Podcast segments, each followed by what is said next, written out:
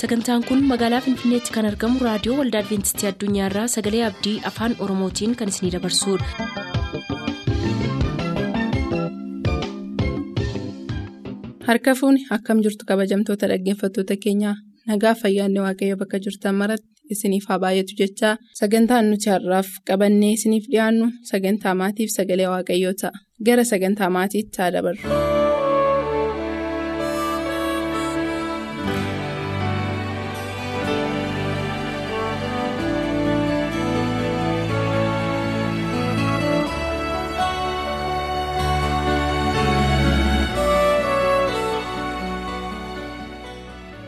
Akkam jirtu dhaggeeffattoota keenyaa waaqayyoon gaarii goonee galateeffanna. Har'as waaqayyo bifa addaatiin walitti deebinee sagantaa maatii kan jedhu jalatti mata duree adda addaatiin akka barannuuf carraa waaqayyo nuuf kenne kanaaf gaarii goonee waaqayyoon hin galateeffanna. Waaqayyoo har'as mata duree biraa irratti akka nuyi barannuuf akka nuyi irraa waa hubannuuf waaqayyoo carraa guddaa kana nuuf kenneera. Kanaaf gaarii goonee waaqayyoon hin galateeffanna. Har'a immoo egaa gaa'ela ijaarrachuun yookaan gaa'ela dhaabbachuun. Maal jechuudha? Kan jedhu waliin ilaalla. Gaa'ela dhaabbachuun erga walquunnamtii saalaa mata duree godhatee kan dhiyaate miti erga ta'e. Gaa'ela dhaabbachuun ijoollee walirraa horuu duwwaadhaaf lafa gaarratti waliranii jireenya akka inni tufu gochuu duwwaadhaaf godhatee kan dhiyaate miti erga ta'e. Egaa gaa'ela dhaabbachuu jechuun maal jechuudha? Kan jedhu immoo walii wajjin ilaalla. Gatii guddaa kan qabu wanta ulfina qabeessaaf gati jabeessa ta'e tokko akkasumaan. Lafa argachuun hin danda'amu wanti barbaachisaaniif gati jabeessi tokko lafa jala gadi fagaatee waan jiruufi baay'ee itti dadhabanii hojjetanii yeroo dheeraa fudhatee kan argamudha akkasuma bultoo gaariinis tasuma kan argamuutu hin ta'in dadhabbii guddaa booddee yaalii guddaa booddee hojii guddaa booddee kan dhufu ta'ee dhufaatiin kana booddee ta'u immoo kan nama gammachiisu ija gaarii kan qabu ta'uusaa irraa hubanna akkuma kanaan dura jenne. Almaaziin yookaan dhagaa gati jabeessi tokko kan addaan hin cinne yaaliidhaaf deemsa yeroo dheeraa booddee kan argamu akka ta'e bultoo gammachiisaadhaaf gaarii argachuun immoo rakkina baay'ee keessa darbanii ulaa baay'ee keessa darbanii wal danda'uu baay'ee keessa darbanii walii obsuu baay'ee keessa darbanii kan argamu ta'uu isaan hubachiisa gaa'elli nagaan karaa kutaa yookaan immoo akkuma seera herregaa keenya keessatti tokko eda'uu tokko. Lama jennee akka salphaatti keenya utuu hin ta'in wanta tokkoof tokko qofaa hubachuun nu barbaachisa. Innis ogummaadhaaf hubannaa akkasumas adda baafachuudhaaf beekumsa akka qabaannuuf kan nu dandeessisu sagalee waaqayyoof iddoo kennuutu nurra jira. Wanti salphaatti argamu gatiinsaa salphaadhuma ta'a. Wanti karaa kutaadhaan ariitiidhaan argamu nama harkaa bahee deemuunsaas immoo ariitiidhaan ta'a. Kanaaf wanti ogummaadhaan argamu garuu. Akka warqee gati jabeessaatti gatii guddaa qabaata iddoo guddaa qabaata kan nama gammachiisus ta'a. Fakkeenya boqonnaa lama tokko amma sagaliitti yeroo dubbifnu daawwiti ilma isaa solomoonii yommuu gorsu yaa ilma ko jedhee jalqaba. Yaa ilma koo jedhee jalqaba. Yaa ilma ko jedhee jalqabeetu wanta gochuun isarra jiru immoo isatti yommuu dubbatu argina. Har'a gorsi iddoo kanatti solomooniif kenname gaa'ela keenya ijaarrachuu keessattis gorsa gaarii yookaas immoo kan nu qajeelchuuf. Kan nu gorsu ta'ee argamu mee iddoo kana dhaqee dubbisuu yaala obsaan akkasiin dhaggeeffattanan barbaada isinis bakka jirtan hundumaatti kitaaba qulqulluu keessan baafatanii akkasiin dubbifattaniin jaalladha yaa ilma koo dubbii koo yoo fudhatte abboommota koos yaala kee keessa yoo ka'atte gurra kee gara ogummaatti qabdee yaada kee gara hubannaatti yoo deebifte beekumsi guddaa gadi fagoo beekumsa gadi fagootti yoo iyyite hubannaa argachuudhaafis guddiftee yoo iyyite. Akka nama meetii barbaaduutti akka nama qabeenyaa dhokfamee jiru qoratuuttis ishee yoo barbaadde ati yommus waaqayyoon sodaachuu hin barta. Wanti ittiin ishee beektus in argatta. Ogummaa waaqayyotu kennaa beekumsiif hubannaan dubbii afaan isaa keessaa ba'u ba'uun in argama. Inni nama yaadni isaa qajeelaa fi ogummaa inni. Nama yaadna isaa qajeelaa fi ogummaan kenna warra balleessaa hin qabneef gaachana. Inni daandii qajeelummaa in ta'a. Karaa warra isaaf of kennanii in eegaa jedheetu nutti dubbata. Kanaaf egaa har'a ogummaan barbaachisaadha. Maaliif barbaachisaadha? Bultoo ijaarrachuuf barbaachisaadha. Ogummaan barbaachisaadha. Maaliif gaa'ela dhaabbachuuf barbaachisaadha? Ogummaan barbaachisaadha. Maaliif erga gaa'elli dhaabbatee erga bultoon ijaaramee akeekaaf akka ittiin bulchan beekuudhaaf ogummaa waaqayyo biraa beekumsa waaqayyo biraa gorsa waaqayyo biraa fudhachuuf barbaachisaadha. Namoonni ogummaa waaqayyootiin gorsa waaqayyootiin qajeelfama dubbii waaqayyootiin deemanii gaa'ela dhaabbatanii jalqabni isaas dhumni isaas kan miidhage ta'a. Qilleensi jiraate illee bu'aa ba'iinsi yoo jiraate illee raafamuun yoo jiraate illee kan isaan jabeessu kan isaan cimsu kan barumsa irraa argatanii dogoggora isaanii irraa baratanii gara fuulduraatti jabaatan isaan godha malee kan gargar isaan diigu kan gaa'ela isaanii hiiku hin ta'u. Kanaaf egaa ogummaan gaa'ela keessatti barbaachisaadha. Gaa'elli tokko dhaaba harka waaqayyootiin yookaan jaarmiyaa harka waaqayyootiin dhaabameedha. lama dhiira tokkoof dhalaa tokko gidduutti kan dhaabbateedha yookaan immoo walitti dhufeenyaa yookaan tokkummaa bara baraa godhee waaqayyo kan walitti isaan fideedha sadi haalli yeroo rakkinni garaa garaa adda isaan baasuu hin danda'u isaan cimsaa isaan jabeessaa isaan muuxannoo irra argatu malee isaan diiguu hin danda'u. Gaa'elli gammachiisaadhaa fi jabaan immoo tokko yeroo lama obsa sadii jabaatanii hojjechuu gaafata. kanaaf egaa gaa'elli gammachiisaa fi jabaan yookaan miidhagaaf bareedaanii yeroo gaafata obsa gaafata jabaatanii hojjechuu gaafata. Gaarraatti tuqeera. Almaaz yookaan dhagaa gati jabeessa tokko argachuudhaaf lafa baay'ee gadi qotanii yeroo dheeraa booddee itti dadhabanii argachuu barbaada. Erga argatanii booddee gatiinsaa gati jabeessa ta'a. Itti nama gammachiisa. Kanaaf gaa'ellis immoo akkuma kana yeroo dheeraa booddee irratti kadhachuu barbaachisa. irratti kaasanii yeroo dheeraa ta'uutu irra jiraata obsa qabaachuutu irra jiraata jabaatanii hojjechuutu irra jiraata waaqayyoon eeguutu namarra jira. Sammuun namaa salphaatti jijjiiruu waanta hin danda'amnee fi abbaan manaaf haati manaallee bultii bultiidhaan amala walii bara adeemurraan kan baate akkuma walitti dhufaniini dhufanii bultoo ijaarrataniini. Inni akkuma jedhe ta'uutu irra jiraata waanta hin jedhe hubachuu irra jiraata ishee dirqisuu hin danda'u isheenis akkasuma. Kanaaf bulanii oolanii irraa jalaan amala walii fedha walii jaalala walii.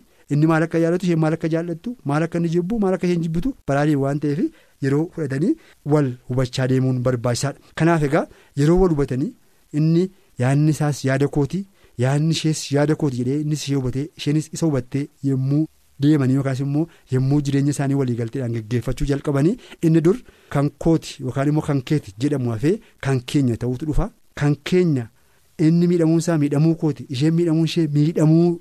kooti. Innis jedhe erga yaadanii booddee kan isaas kan kooti kan ishees kan kooti jaalaan wal jaalanii wal tumsanii wal kunuunsanii jiraachuutu dhufa yeroo kana egaa gaa'elli kan inni akka dhagaa gati jabeessaa calaqqisni isaa kan inni ifee ofitti nama harkisu yookaanis immoo hawaasa jiraannu keessatti illee kan inni maqaa gaarii nuuf kennisiisu yommuu wal dandeenye wal obsine wal gorsine wal kunuunsine ba'aa walii baannee bultoo keenya cimsine jabaannee dhaabachuudhaan rakkina keessatti wal dandeenye bultoo keenya gammachiifne jiraachuudhaan namoonni barumsa gaarii nurraa baranii gaa'ela ulfina qabeessa isaallee adda baafatanii hubatu yeroo kana immoo waaqayyo jireenya keenya irrattis bultoo keenya irratti ni ulfaata kanaaf.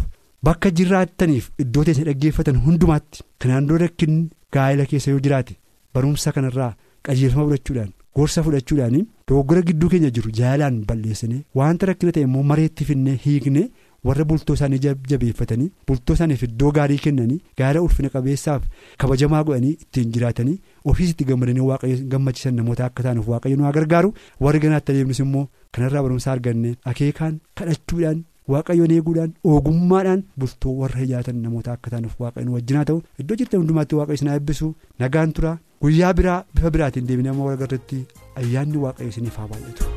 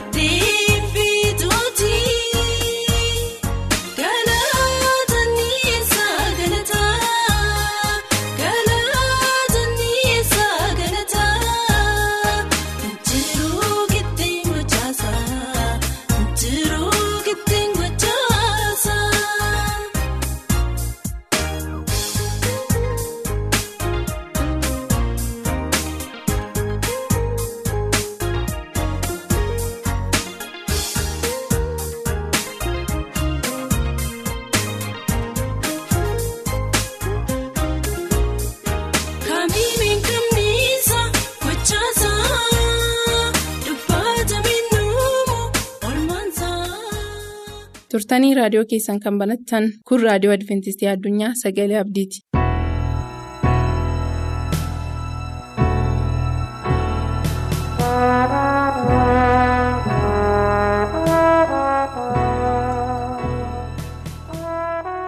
gooftaatti kan jaallatamtan kabajamoota dhaggeeffattoota keenyaa harka fuuni akkam jirtu isiniin jechaa har'as jaalala waaqayyo taanaan dubbii waaqayyoo wajjiniin hirmaachuudhaaf kunoo qilleensa irratti argamnee jirra sagalee waaqayyo har'a nuuf ergu kan inni jedhu mata dureensaa akka ta'utti jiraachuu utuu barumsa har'aa walii wajjiniin hin ilaalin waaqayyo akka nu hubachiisuuf walii wajjiniin kadhannaa godhanna. si galateeffanna waaqa keenyaa waaqa hundumaa dandeessuuf hundumaan ol taatee jaalala kee taanaan jiraatti jiraannee har'as sagalee kee dhaga'uudhaaf wal dhageessuu waan dandeenyeef ayyaana kana waan nuuf baay'ifteef jiraadhaa nuun jettee har'aa waan nu geesseef galanni maqaa keetiif haa ta'u. Kunoo nus sagalee kee dhaga'uu barbaannaa nutti dubbachuu kee barbaannaa. Yeroo kana teessoo kee irraa akka nutti dubbattuuf jaalala kee haa ta'u. Dubbii kee hubachuu akka dandeenyuuf.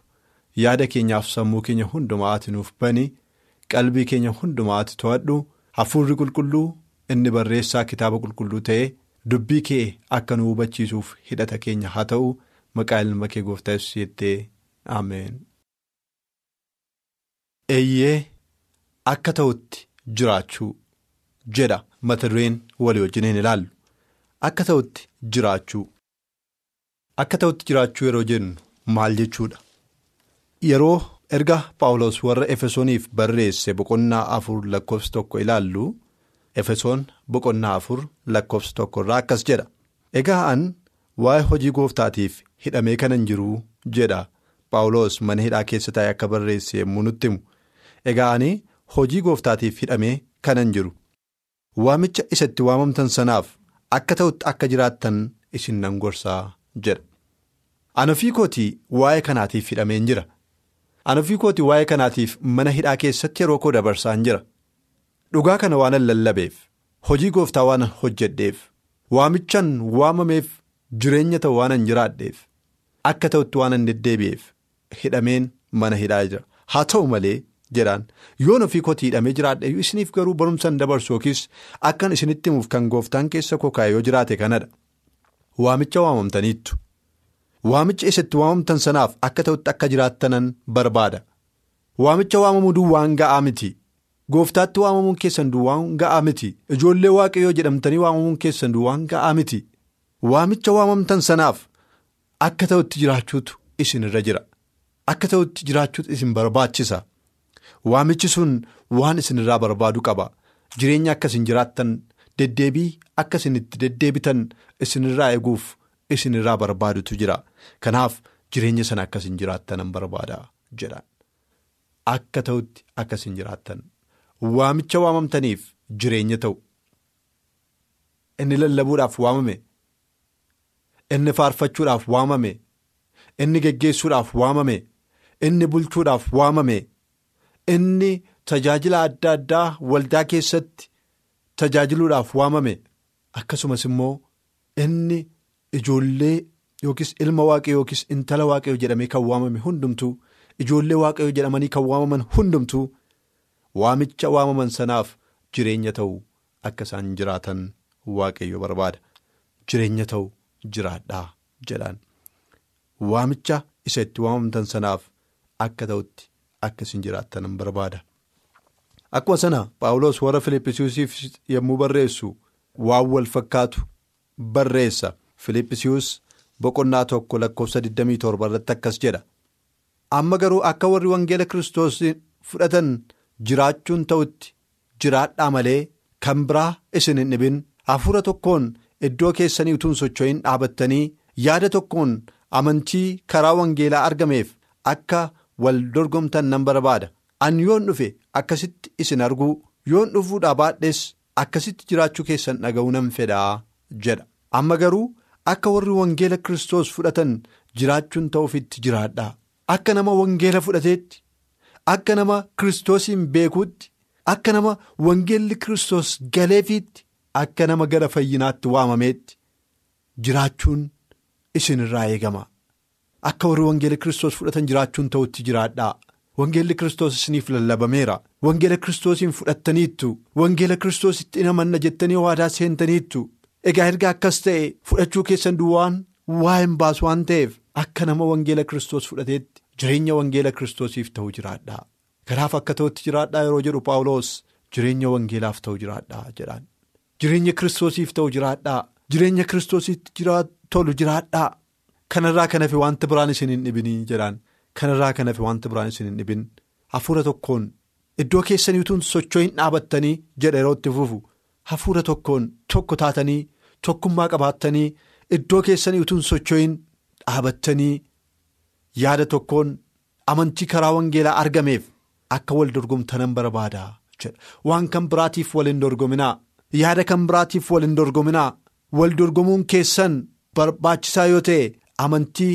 isa karaa wangeelaa argameef wal dorgomaa. Caalaatti gara gooftaatti dhi'aachuudhaaf wal dorgomaa. Caalaatti gooftaa beekuudhaaf wal dorgomaa. Kanarraa kan hafe wanti kan biraan isin dhibuun irra hin jiru. An yoon dhufee jedhaan paawuloos akka kanatti isin arguun barbaada. Jireenya wangeelaaf ta'utuu isin jiraattanii arguun barbaada. Jireenya kiristoosiif ta'utuu isin jiraattaniin arguu barbaada. Yoon dhufuudhaa baadhees jireenya wangeelaaf ta'u jiraachuu keessanan dhaga'uu barbaada akka ta'utti jiraachuu keessan dhaga'uun barbaada. waa'ee keessa waan hamaa dhaga'uun barbaadu jedheetu warra Filiippisiisiif barreessa.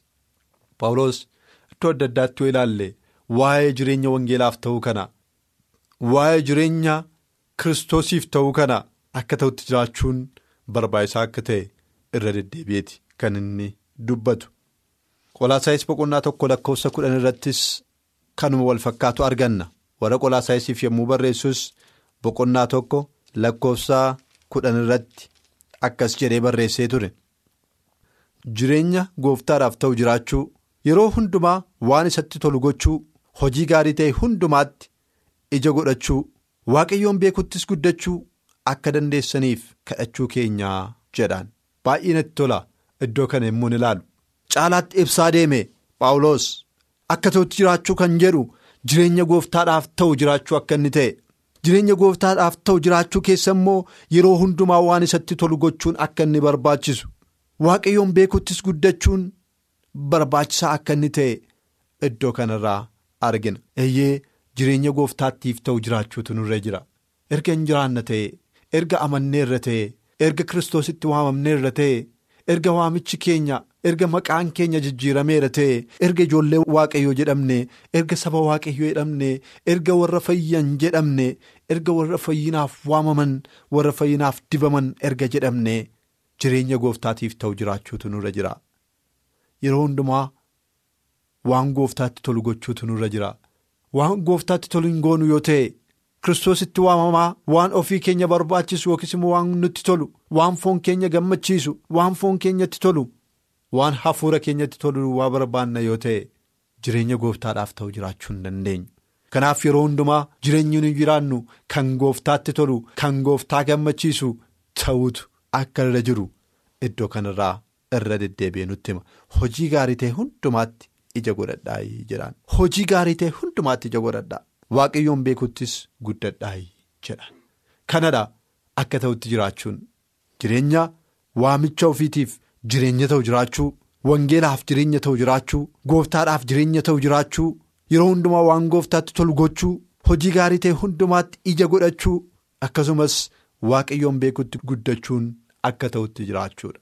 isaan kana qabaachuu keenya jireenya keenya keessaa barbaaduutu nurra jira jireenya gooftaatti tolu jiraachuutu nurraa eegama. warra tasalonqeefis yommuu barreessu kana hin daganne paawuloos warra tasalonqeedhaaf yeroo barreesse tasalonqee isa duraa boqonnaa lama lakkoofsa kudha lama irratti akkas jedhee barreessa. Tasalonqee isa duraa boqonnaa lama lakkoofsa kudha lamarraa waaqayyo isa mootummaa isaatiif ulfina isaatti isin waame sana waaqayyo isa mootummaa isaatiif ulfina isaatti isin waame sanaaf akka ta'utti akka jiraattaniif. isin in gorsina isin in jajjabeessina. Dhugaas isinitti baanaa jedha. Irra deebi'een dubbisa waaqayyo isa mootummaa isaatiif ulfina isaatti isin waame sanaaf jedhaan. Waaqayyo isa mootummaa isaatiif ulfina isaatti isin waame sanaaf. Isaaf akka ta'utti akka jiraattaniif isin gorsina isin jajjabeessina dhugaas isinitti baana. Eeyyee dhaggeeffatootaa mootummaa waaqayyoo akka dhaalluuf mootummaa waaqayyoo keessa akka jiraannuuf. ulfina waaqayyo akka arginuuf ulfina waaqayyo keessas akka jiraannuuf waaqayyo waamicha nu waameera waamicha guddaadhaaf waamicha ulfina qabeessa. egaa erga itti waamamtanii jedha paawulos warra tasalonqeetiin har'a nunis akkuma jedhu erga isatti waamamtanii mootummaa waaqayyootiif erga dibamtanii mootummaa waaqayyoof erga fo'amtanii mootummaa waaqayyoof erga waamamtanii ulfina isaa keessa galuudhaafis erga dibamtanii waamichi keessan. erga ulfina isaatti dhiyaachuu ta'e erga ulfina isaa keessatti argamuu ta'e isa isin waame sanaaf akka ta'utti akka isin jiraatanan barbaada isaaf jireenya ta'u akka isin jiraatanan barbaada kanan isin gorsa kanan isin jajjabeessa kanan dhugaa isinitti ba'a jechuudhaan dubbata eeyyee jireenya waaqayyootiif ta'u jiraachuun nurraa eegama jireenya warra mootummaa waaqayyootti galan. qabaatan qabaachuu danda'utu nurra jira deddeebiin keenya hundumtuu sana kan agarsiisu ta'uun. isarra jira efesoon keessaa dura akkuma ilaalle efesoon boqonnaa afur lakkoofsa tokko irratti yommuu dubbifne egaa jedhe paawulos egaa an waa'ee hojii gooftaatiif hidhamee kanan jiru waamicha isatti waamamtan sanaaf akka ta'utti akka jiraattan isin gorsaa akkuma jedhe akka ta'utti akka jiraattan isinan gorsa erga jedhee booddee immoo lakkoofsa lamarraa gad of deebisuudhaaf garraamummaa hundumaatiin jedha gad of deebisuudhaaf utuu ol of hin qabin utuu ol of hin dhiibin. Utuu anatu caalan jedhin utuu anatu beekan jedhin gad of deebisuudhaaf garraamummaa hundumaatiin obsaanis walii wajjiniin jiraadhaa jedha gad of deebisuu garraamummaa fi obsaan walii wajjiniin jiraadhaa. Kanadha jireenya ta'u jiraachuun akka ta'utti jiraachuun gooftaadhaaf jireenya ta'u qabaachuun isa kanadha gad of deebisuudha garraamummaa qabaachuudha obsaan walii wajjin jiraachuu obsaan danda'uu obsa qabaachuun. barbaachisaadha jedhaan lakkoofsa sadii irratti immoo akkas jedha hidhaa nagaatiin jedhaan hidhaa nagaatiin tokkummaa hafuura qulqulluu of harkatti eeggachuudhaaf dhamaa jedhaan hidhaa nagaatiin tokkummaa hafuura qulqulluu of harkatti eeggachuudhaaf dhamaa. Jireenya gooftaatiif ta'u jiraachuun tokkummaa hafuuraa iddootti eeguu nama dandeessisa. Obsa gad of deebisuudhaaf garraamummaa nama gaafata. Yoo sana goone eeyyee gooftaadhaaf. Yookiis waamicha waamamneef jireenya ta'u jiraan paawulos har'a kan inni nu gorsu kan inni nu jajjabeessuuf kan inni dhugaa nutti ba'u isa kanadha wangeelaaf jireenya ta'u akka jiraan waamicha waamamneef jireenya ta'u akka jiraan gooftaadhaaf jireenya ta'u akka jiraan waaqayyo isa mootummaa isaatiif ulfina isaatti nu waameef jireenya ta'u akka nuyi jiraannu nu gorsaa waamichas nuuf godha kanaaf iyyuu bara jiraannu hundumaatti gooftaadhaaf jireenya ta'u jiraannee darbuu akka dandeenyu. Gooftaadhaaf jireenya ta'u jiraachuu dadhabuu keenyarraan mootummaa isaa isa itti waamamne sana keessaa alatti akka hin argamne ulfina waaqayyoo isa itti waamamne dhiifnee iddoo salphinaa dhaabannee akka hin argamneef waaqayyo ayyaana isaa hunduma keenyaaf habaayisu waaqayyos na eebbisu.